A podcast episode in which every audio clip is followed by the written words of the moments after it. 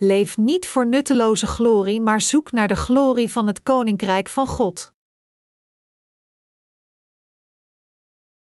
Galaten 5, 16, 26 Ik zeg u dus, laat u leiden door de geest, dan bent u niet gericht op uw eigen begeerten. Wat wij uit onszelf najagen is in strijd met de geest, en wat de geest verlangt is in strijd met onszelf. Het een gaat in tegen het ander, dus u kunt niet doen wat u maar wilt. Maar wanneer u door de geest geleid wordt, bent u niet onderworpen aan de wet. Het is bekend wat onze eigen wil allemaal teweeg brengt: ontucht, zedeloosheid en losbandigheid, afgoderij en toverij, vijandschap, tweespalt, jaloezie en woede, gekonkel, geruzie en rivaliteit, afgunst, bras en slempartijen, en nog meer van dit soort dingen. Ik herhaal de waarschuwing die ik u al eerder gaf: wie zich aan deze dingen overgeven, zullen geen deel hebben aan het koninkrijk van God. Maar de vrucht van de geest is liefde, vreugde en vrede, geduld, vriendelijkheid en goedheid, geloof, zachtmoedigheid en zelfbeheersing. Er is geen wet die hier iets tegen heeft. Wie Christus Jezus toebehoort, heeft zijn eigen natuur met alle hartstocht en begeerte aan het kruis geslagen. Wanneer de Geest ons leven leidt, laten we dan ook de richting volgen die de Geest ons wijst. Laten we elkaar niet uit eigenwaan de voet dwars zetten en elkaar geen kwaad hart toedragen. Paulus' vermaning aan de heiligen. Als we kijken naar Galaten, kunnen we zien dat er bepaalde gebieden waren waarmee de apostel Paulus in het bijzonder worstelde. Beïnvloed door het geloof van de besnedenen, waren er velen in de Galatische kerken die werden misleid door de valse leerstelling dat iemand moest geloven in Jezus Christus als Verlosser en de besnijdenis moest ontvangen om te worden gered. Hij maakte zich zorgen omdat het evangelie van het water en de geest verdraaid kon worden door de besnedenen die leerden dat de lichamelijke besnijdenis het juiste was om te ontvangen. De apostel Paulus vocht onvermoeibaar verder om het geloof van diegenen die misleid waren te corrigeren. Dus, hij waarschuwde de besnedenen door te zeggen: leer hen iets dergelijks niet. U zult vervloekt worden door God als u zo gelooft en zo getuigt.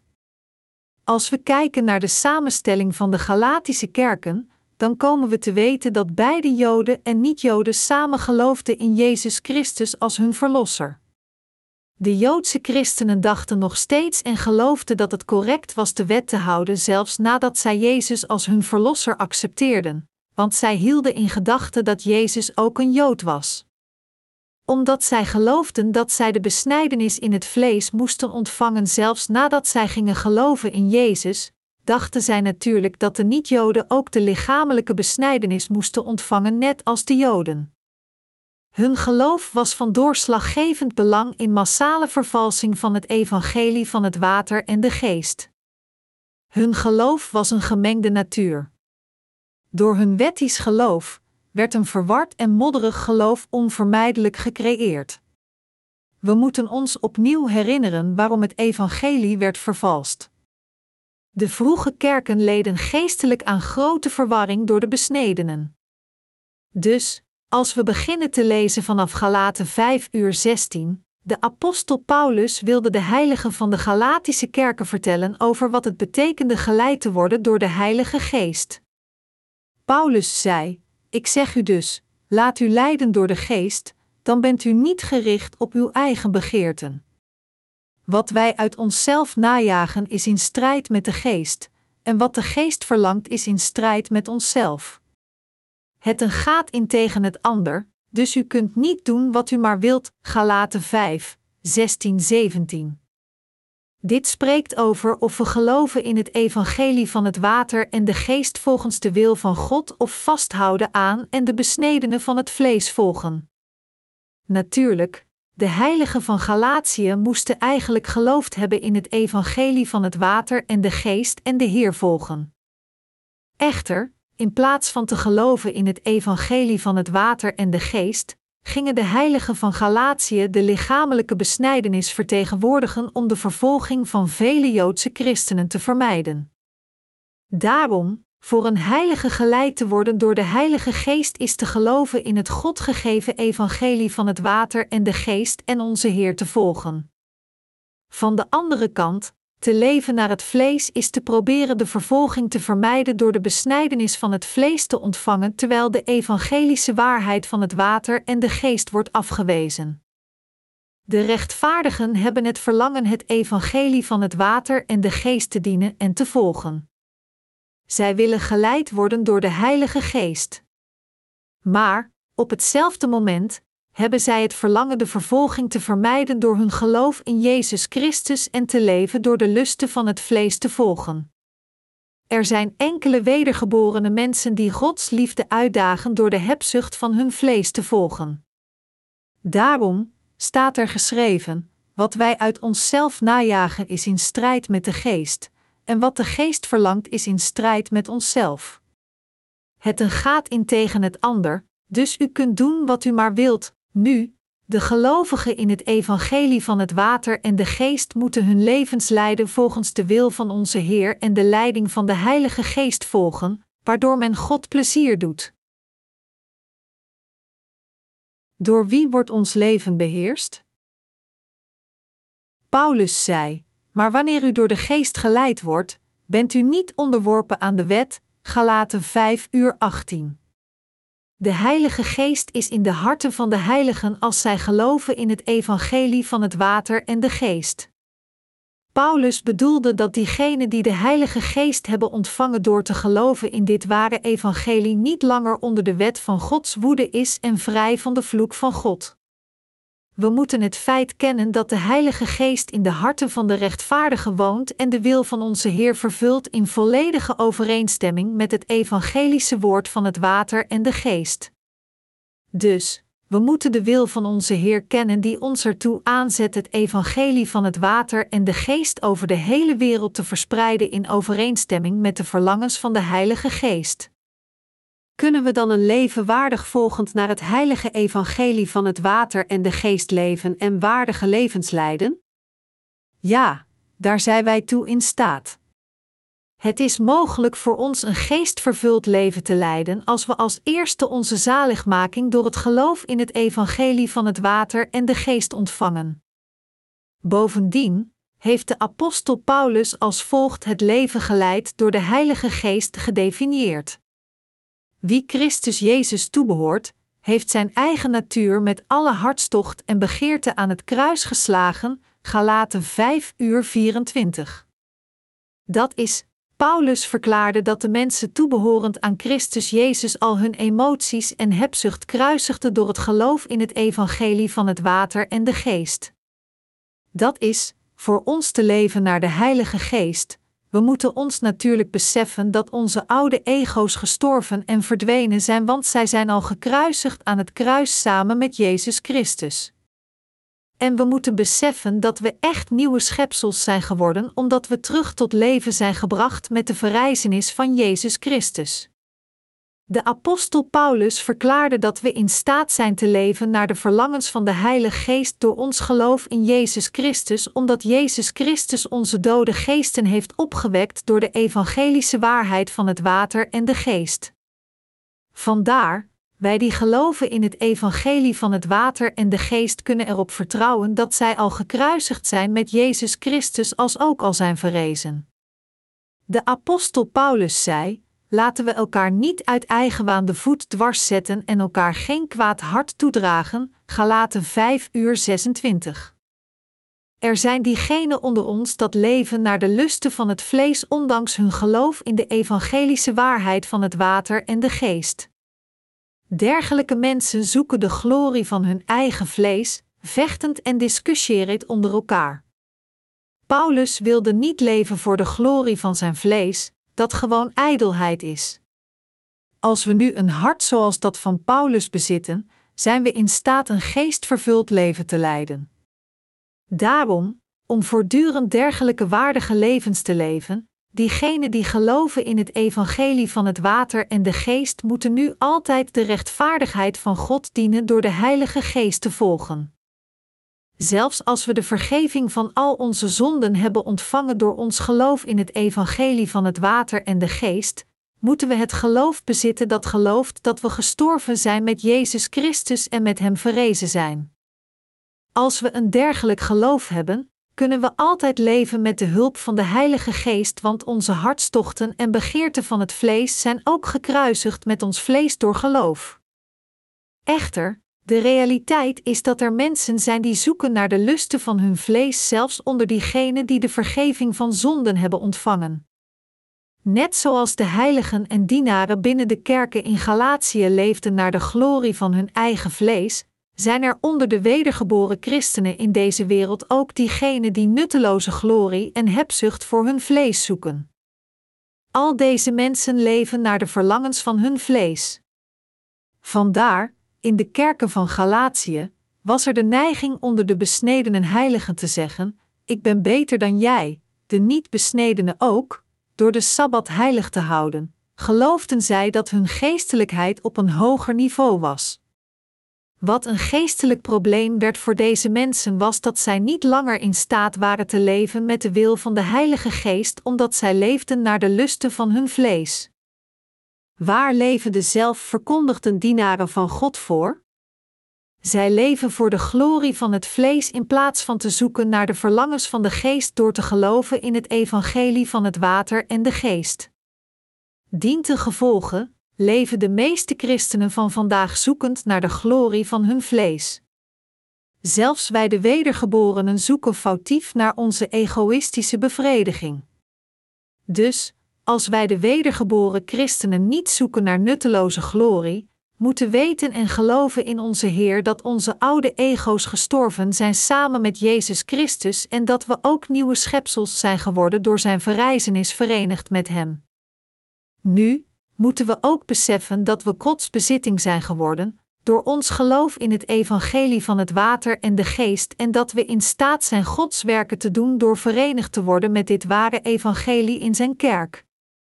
Wij zijn in staat dankbaarheid aan God te geven omdat we de vergeving van onze zonden hebben ontvangen door ons geloof in het evangelie van het water en de geest.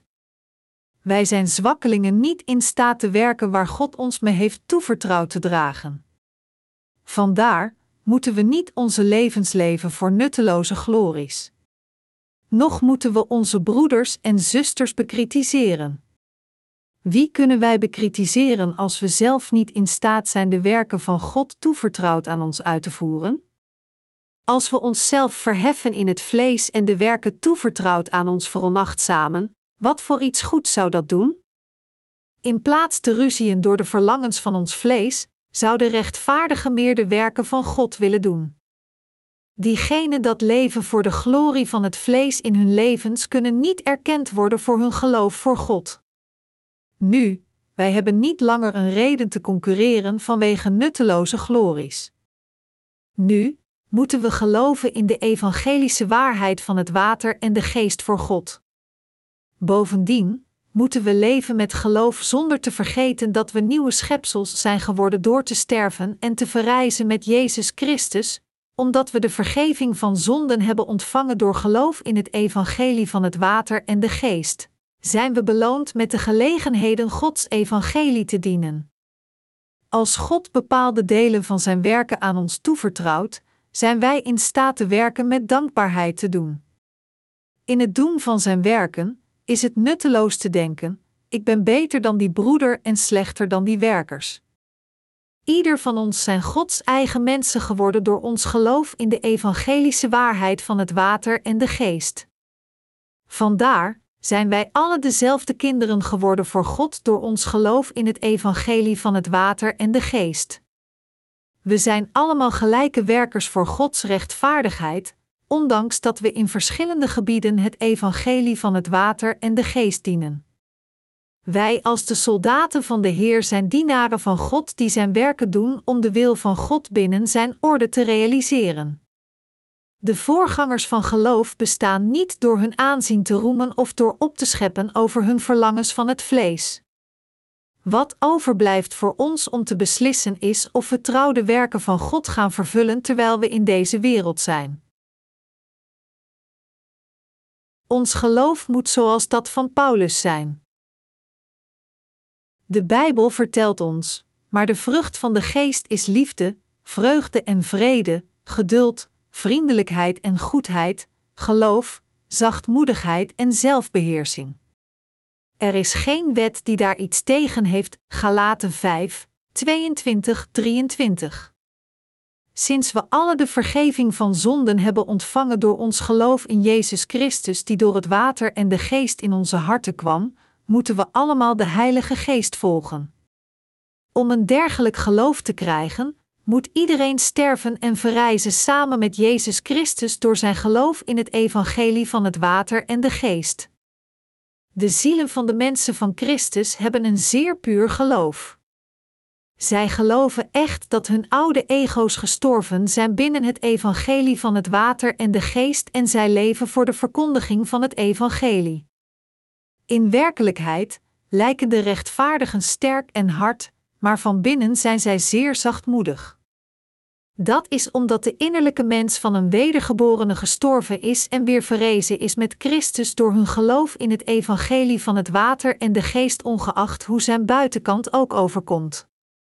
Vandaar zijn zij zo zachtmoedig als een lam door de Heilige Geest.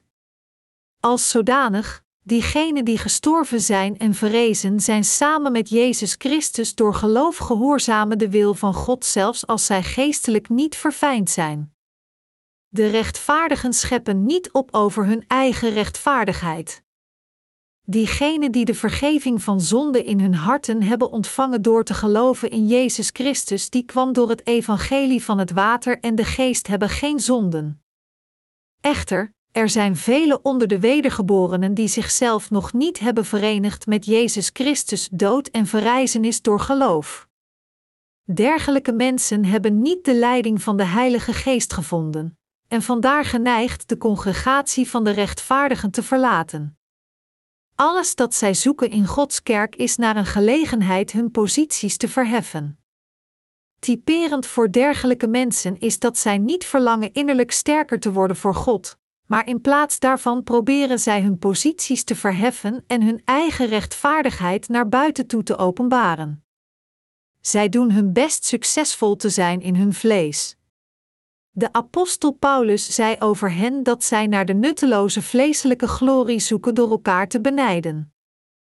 Hoewel we de vergeving van zonden hebben ontvangen door te geloven in het evangelie van het water en de geest, als we niet het geloof hebben dat we gestorven zijn en opnieuw tot leven zijn gebracht samen met Jezus, zijn we niet in staat geleid te worden door de Heilige Geest. Omdat Jezus al onze zonde wegnam door zijn doopsel, werden we ook gekruisigd aan het kruis toen Jezus werd gekruisigd aan het kruis. Toen de nagels Jezus twee voeten en handen doordrongen, werden ook onze handen en voeten vastgespijkers. Vandaar dat onze oude ego's gestorven zijn in Jezus Christus en we zijn samen met Jezus Christus verrezen.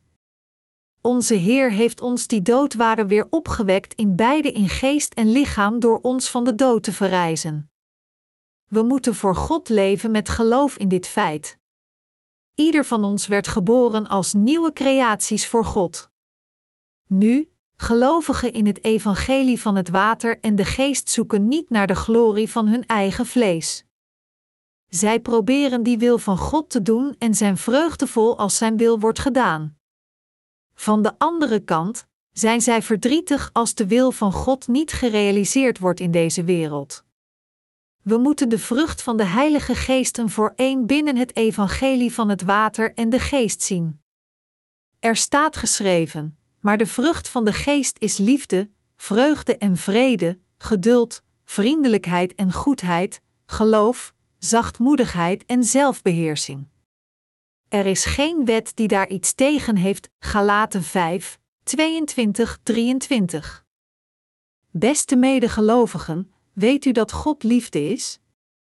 God zei dat we vol vreugde zouden zijn, als we van elkaar houden en de rechtvaardigheid van God dienen. Dus, De wedergeboren christenen zijn vreugdevol in het evangelie van het water en de geest als zij elkaar ontmoeten. Vreugde betekent de blijheid die van binnenuit komt door Jezus Christus. Vrede is verzoening zelfs met de vijand. Soms ruzien zelfs de rechtvaardigen die geloven in de rechtvaardigheid van God met elkaar.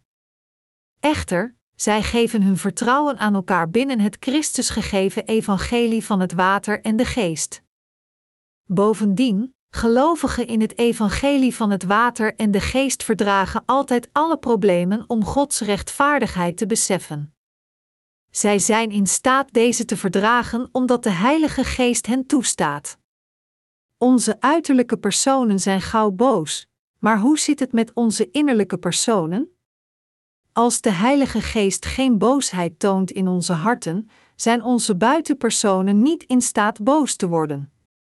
Ik was in staat moeilijkheden te verdragen in het verleden die ik niet in staat was zelf te dragen, zonder de kracht van de Heilige Geest. Wij die geloven in het evangelie van het water en de geest zijn niet in staat boos te worden als onze innerlijke personen niet boos worden, ondanks het feit dat onze uiterlijke personen razend zijn. Voordat we waren wedergeboren door ons geloof in het evangelie van het water en de geest, werden we boos wanneer onze uiterlijke persoon razend werd. Echter, het verschil is nu dat we oké zijn zolang als onze innerlijke persoon niet boos wordt. Voor wie leven we onze levens? De Heilige Geest woont in de harten van diegenen die gestorven en verrezen zijn met Jezus Christus. Diegenen die de Heilige Geest in zich hebben, dragen de vrucht van de Heilige Geest. We dragen de vrucht van de Heilige Geest niet omdat we dat willen, maar omdat de Heilige Geest in onze harten is. Er is geen andere vereiste. De Heilige Geest verblijft in onze harten en overtuigt onze gedachten en harten zodat we de vrucht van de Heilige Geest dragen. Vandaar dat de apostel Paulus zei: Wanneer de Geest ons leven leidt, laten we dan ook de richting volgen die de Geest ons wijst. Laten we elkaar niet uit eigenwaan de voet dwars zetten en elkaar geen kwaad hart toedragen. Galaten 5, 25, 26. Onze Heer heeft ons te rechtvaardigen verteld niet met elkaar te vechten om onze eigen status te verheffen en elkaar niet te benijden. In feite is er geen betere of slechtere onder de rechtvaardigen. Niemand heerst over de ander. Het enige verschil is hoeveel werk God aan ieder van ons heeft toevertrouwd. Wij zijn blij als we onze toegewezen taken hebben volbracht, maar dat bepaalt niet onze status. Natuurlijk is er een orde en zijn er bepaalde posities binnen de kerk van God. Maar zij zijn alleen noodzakelijk voor het doel van enigheid. God heeft bepaalde taken aan u toevertrouwd, net als Hij mij met andere taken heeft toevertrouwd. Alles wat we moeten doen is deze taken zo uit te voeren dat Gods wil wordt gerealiseerd. Iedereen doet zijn deel om samen goed te doen, zoals er staat geschreven, en wij weten dat voor wie God liefhebben, voor wie volgens zijn voornemen geroepen zijn, alles bijdraagt aan het goede. Romeinen 8 uur 28. Er is geen andere bedoeling. Niemand probeert over een ander te heersen. Beste medewerkers, kan ik over u heersen en u laten gehoorzamen? Hoe kan ik u ooit tot dienaren van een mens maken, als u zeker dienaren van God bent met toevertrouwde taken? Ik kan nooit een dergelijk ding doen. Sinds we elke taak hebben in het dienen van onze Heer, is het correct van ons er trouw aan te zijn. Dit is hoe we samenwerken ten goede van God. Niemand kan heersen over een andere persoon in Gods kerk. Omdat Satan probeert sommige geestelijke jonge gelovigen naar de dood te leiden door hun geloof af te brokkelen, hebben wij de voorgangers van geloof soms controle op hen zodat ze niet misleid worden door de duivel. Uw taken en mijn taken zijn evenwaardig belangrijk voor God. We bevinden ons niet in een hiërarchische verwantschap met elkaar. Ons doel is Gods rechtvaardigheid te realiseren door ons te verenigen en onze plicht trouw te doen, en er is geen ander doel. Diegenen dat leven door de Heilige Geest doen en volgen de wil van God voor Hem in Christus.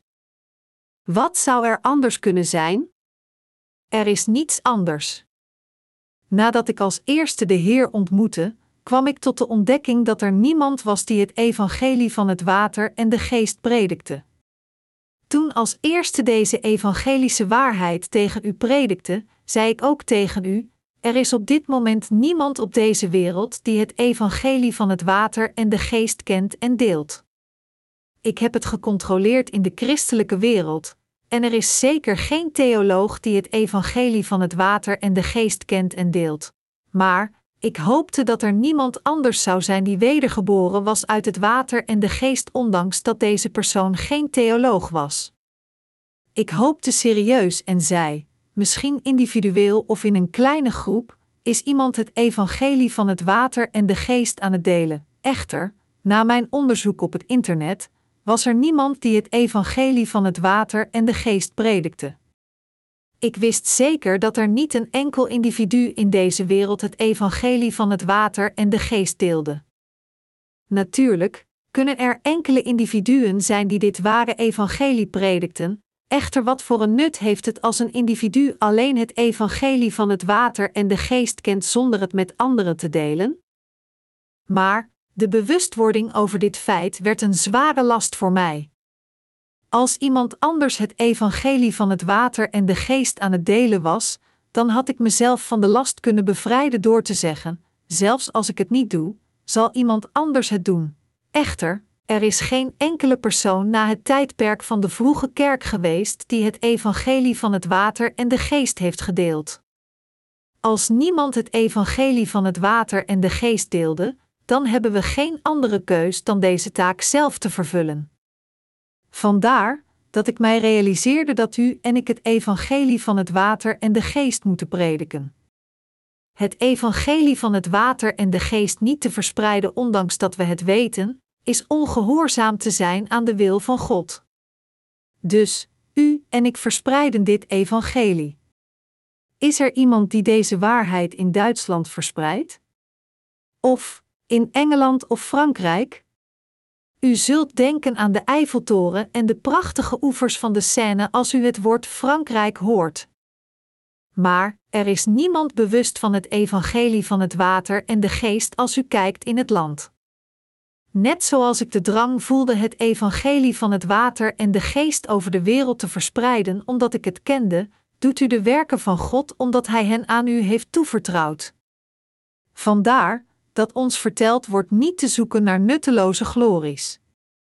Ik denk dat er geen verschil is tussen al onze werkers binnen Gods kerk, of zij predikers zijn, hun vrouwen, stafwerkers, broeders of zusters. Iedere dienaar van God die een toebedeelde taak heeft, is kostbaar. Van pastoors tot zondagschoolkinderen, ik geloof dat God specifieke taken aan ieder van ons heeft toevertrouwd. Onze Heer zei: Van iedereen aan wie veel gegeven is, zal veel worden geëist, en hoe meer aan iemand is toevertrouwd, des te meer zal van hem worden gevraagd. Lucas 12 uur 48.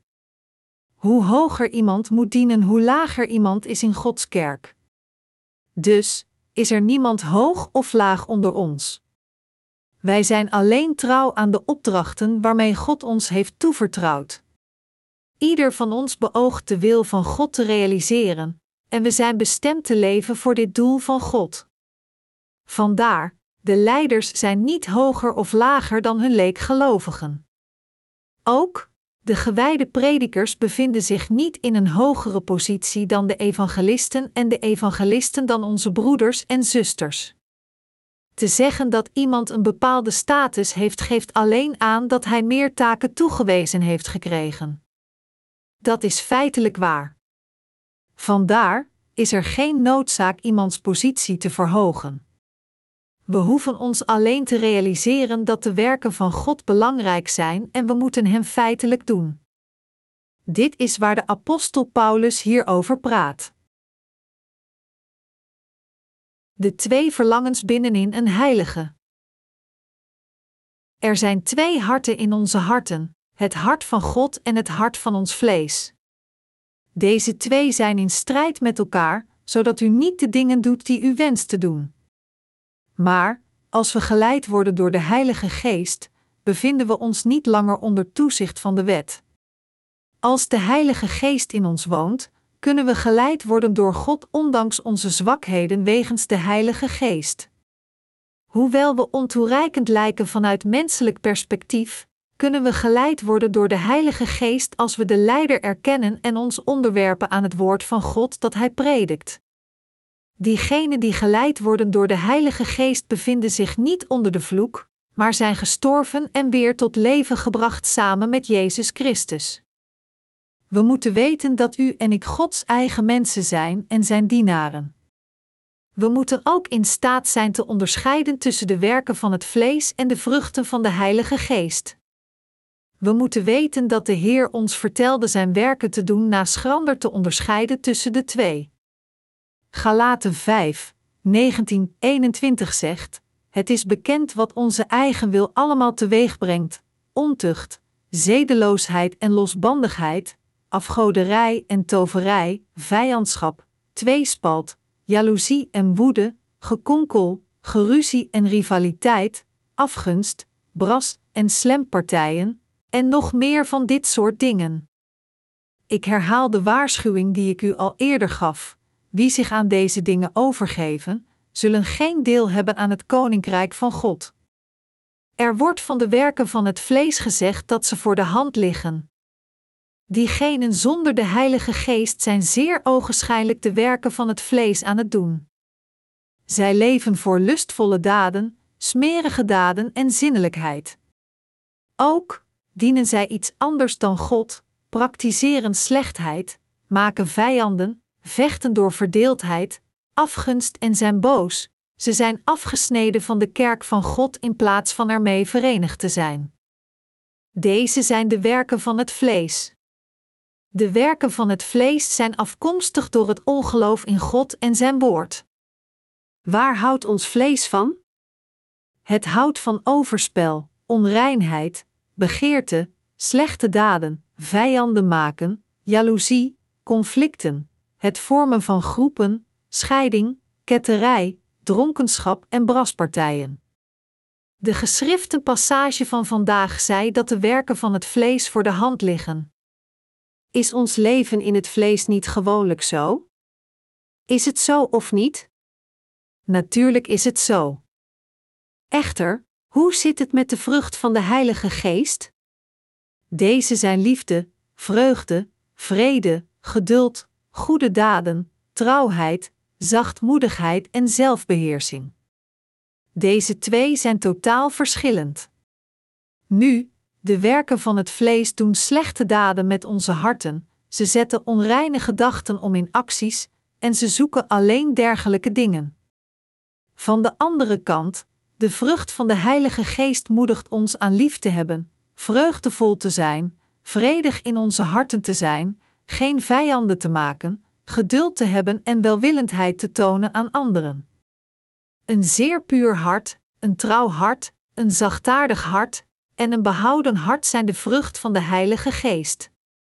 Omdat de werken van het vlees en de vrucht van de Heilige Geest ontstaan zij uit twee verschillende soorten van geloven, komen zij uit verschillende harten. De vrucht van de Heilige Geest komt uit het geloof in Jezus Christus, die kwam door het evangelie van het water en de geest.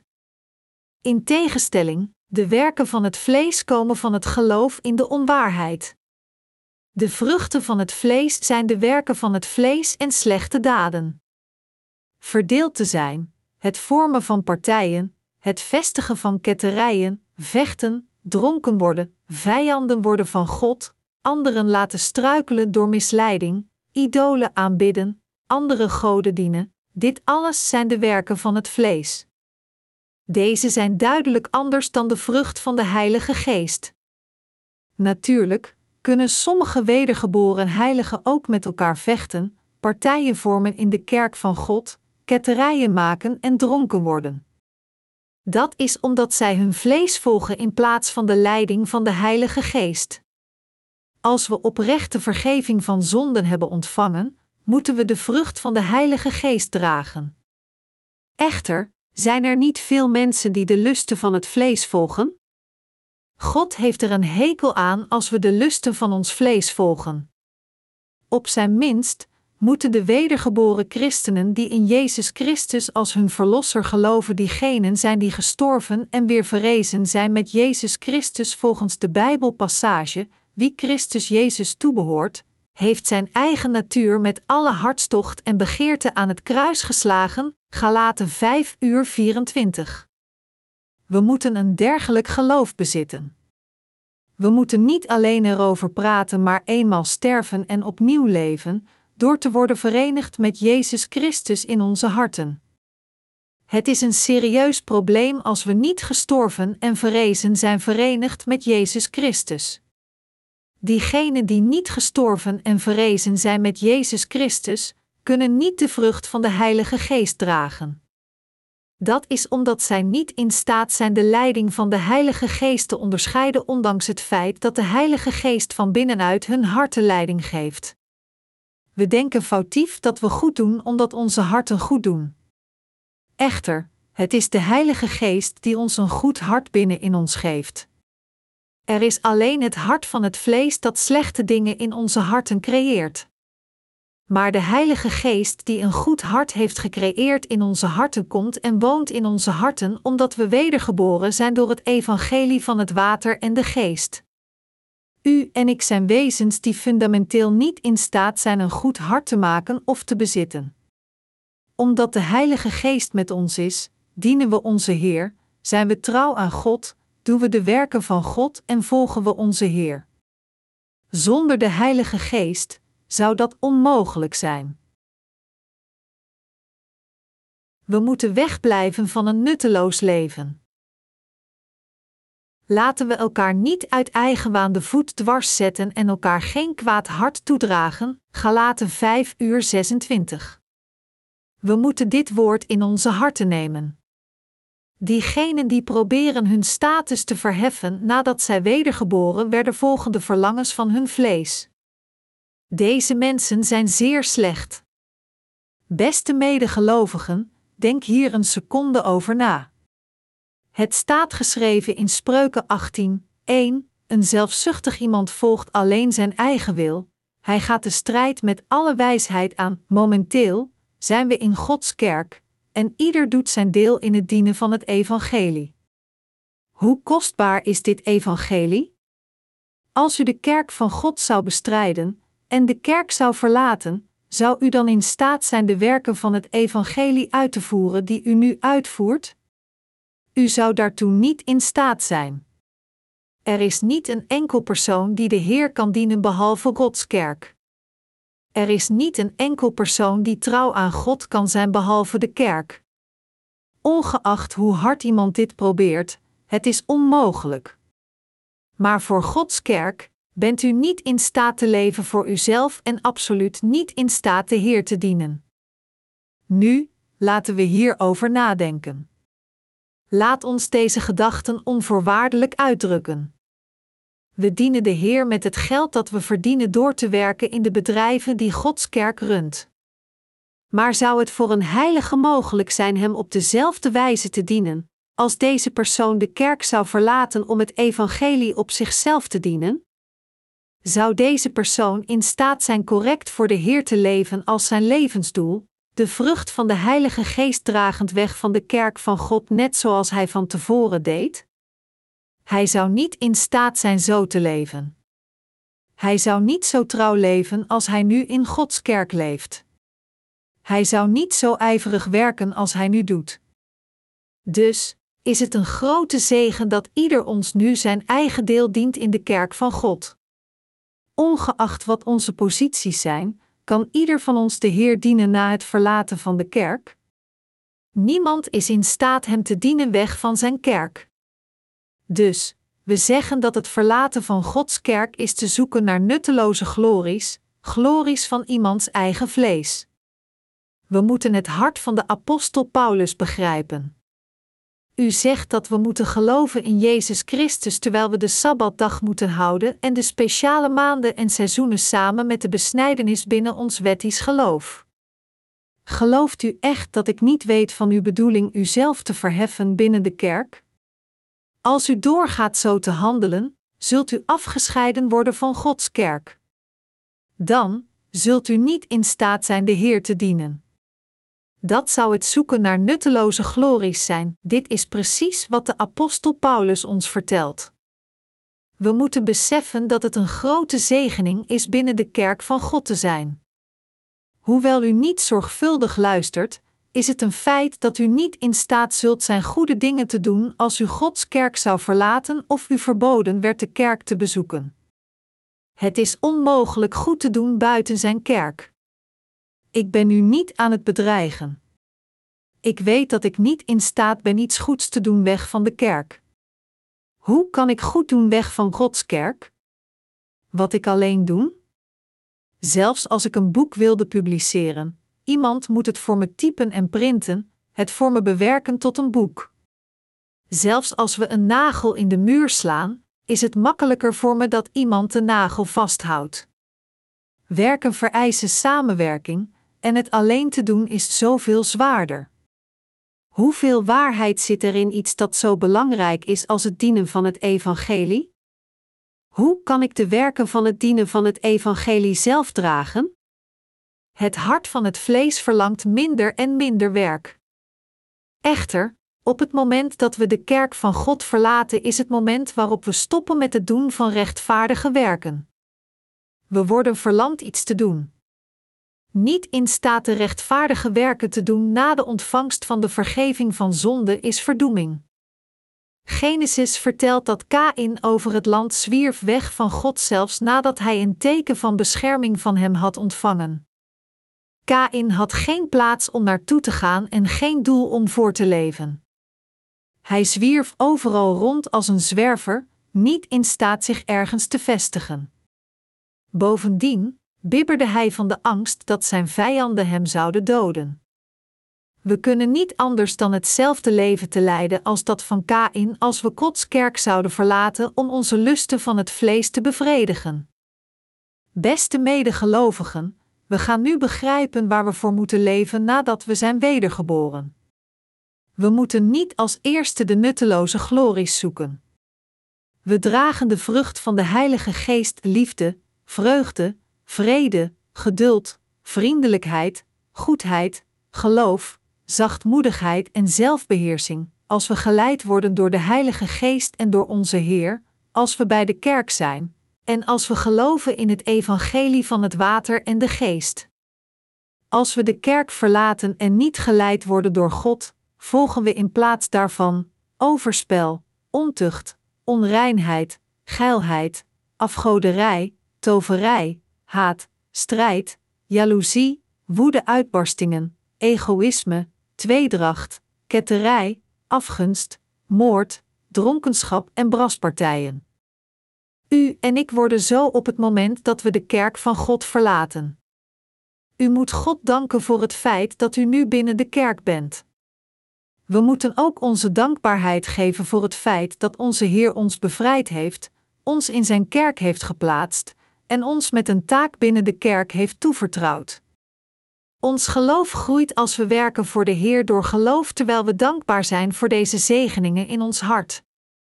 We voeren onze taken niet uit omdat iemand ons vertelt dat we dit moeten doen. In plaats daarvan vragen we onszelf: ik was een persoon die het niet kon helpen dan slechte dingen te doen gedurende mijn leven. Hoe dankbaar ben ik dat Hij mij in staat stelde voor anderen te leven? Wie anders zou dit kunnen doen dan behalve God? Waar zou dit mogelijk zijn buiten zijn kerk? We worden als zodanig eeuwig dankbaar. U en ik moeten mensen worden die weten hoe dankbaar te zijn door geloof. Paulus vertelt ons nu dit feit. De apostel Paulus leed een marteldood nadat hij deze brieven naar elk van de kerken schreef. Dat is, hij offerde rechtvaardig zijn hoofd om zijn geloof te houden. Tijdens het tijdperk van de vroege kerk toen de apostel Paulus werkte, was idoolaanbidding heersend.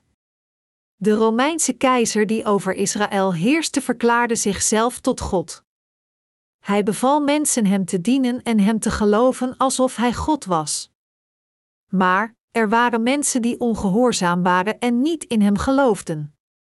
Deze mensen waren christenen die alleen geloofden in God. Christenen die niet bogen voor de Romeinse keizer pleegden hoogverraad. Vandaar vervolgde de Romeinse keizer christenen en vermoordde diegenen die zich niet overgaven tot hun laatste ademtocht. Dus, de vroege kerk christenen leden een marteldood.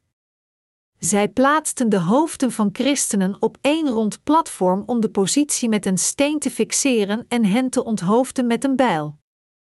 Daar het hoofd valt en wegrolt, stroomde het bloed eruit. Dit was de manier waarop de trouwe christenen stierven. In 2 Timotheus zei de apostel Paulus: Maar ik heb de goede strijd gestreden, de wedloop volbracht, het geloof behouden. 2 Timotheus 4, 7. Hij wist dat hij snel geëxecuteerd zou worden. Hij stierf echt zo. Deze dagen dienen u en ik dit evangelie van het water en de geest. Moeten we dan zoeken naar nutteloze glories? Moeten we ook jaloers zijn op elkaar en elkaar bevechten?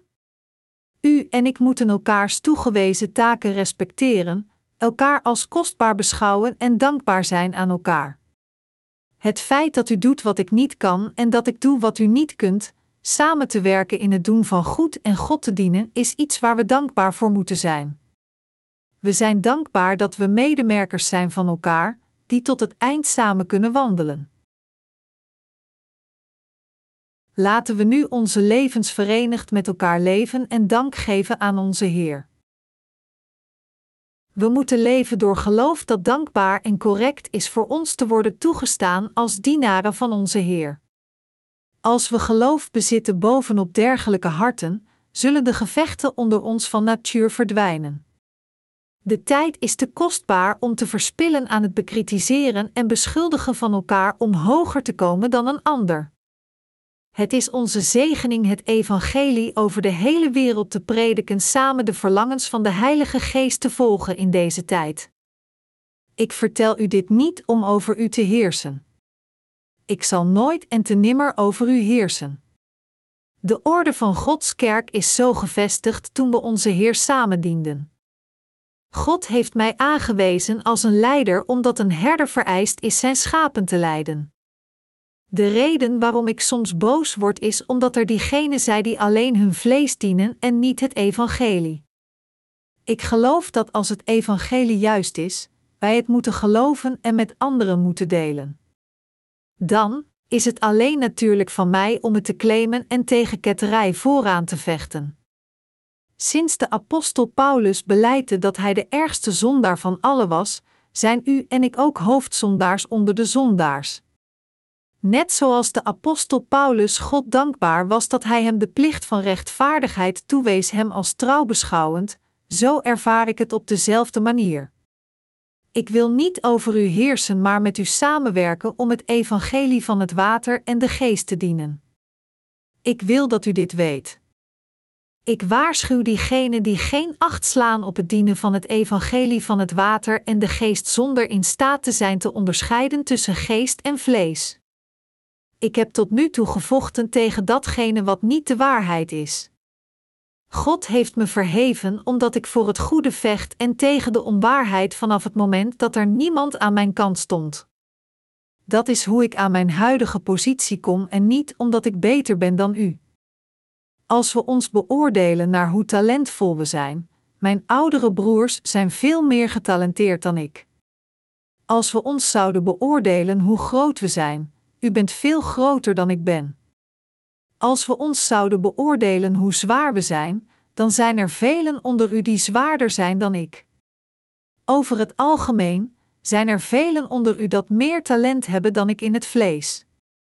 Maar deze dingen betekenen niets voor God omdat we niet de werken van God met ons vlees doen.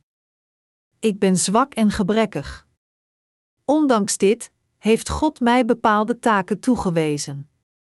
God heeft mij gebruikt omdat ik mezelf voor de glorie van God inzet in plaats van te zoeken naar nutteloze glories.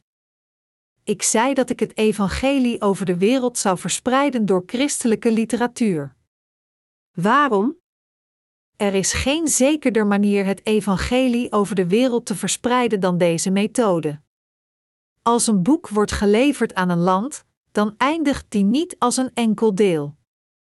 Een enkel deel deelt niet alleen het evangelie aan een persoon, maar ook aan andere personen rond die persoon. Als de persoon die dit boek leest het doorgeeft aan een buur en die buur doet hetzelfde, dan zal dat ene boek veel mensen bereiken. Hoewel het boek uit de handen van de oorspronkelijke ontvanger zal verdwijnen, zal die persoon het evangelie mondeling verspreiden sinds hij de vergeving van zonden heeft ontvangen. Dat is waarom we het evangelie door publicaties delen. Tijdens de dagen van de vroege kerk heeft God ons toegestaan mensen wedergeboren te worden door dezelfde methode. Dat is hoe wij de Bijbel vandaag hebben. Hoe konden we het evangelie van het water en de geest kennen, als de Bijbel nu niet had bestaan? Zouden we Paulus' woorden niet nutteloze glories te zoeken hebben gekend? We geloven in de Heer en dienen hier samen voor God. Ik doe dit voor u, en vice versa. Als we het hart van de apostel Paulus kennen, zijn we in staat de vrucht van de Heilige Geest te dragen. In Galaten geeft de geschrifte passage van vandaag de meest centrale en uiterste boodschap aan ons: zoek de vrucht van de Heilige Geest. Volg de Heilige Geest zoals Hij u leidt. Als u de Heilige Geest volgt zoals Hij u leidt, zult u niet onder toezicht van de wet staan. Zoekt niet de nutteloze glories, maar zoek de glorie van God. Leef voor de glorie van God en vervul het goede werk van God in samenwerking met elkaar. Bezit niet het wettisch geloof, maar eerder het ware geloof in het evangelie van het water en de geest. Leef als u de glorie van God zoekt. Ontmoet God als u dit doet, zo sprak de apostel Paulus. We moeten dit weten als we de rest van onze levens leiden. We moeten in het ware geloof leven, ons bedwingen te zoeken naar het respect in het vlees en onze medebroeders en zusters als iets kostbaars behandelen. U en ik zijn gestorven en verrezen door geloof. U en ik moeten tot het einde dankbaar zijn voor de werken waar God ons mee heeft toevertrouwd. Niet alleen dat, maar we moeten ook trouw zijn aan deze toegewezen taken. We moeten God ontmoeten nadat we heel de glories aan God in onze levens teruggeven. Ik geloof dat God de zielen van veel mensen van hun zonden zal bevrijden door ons.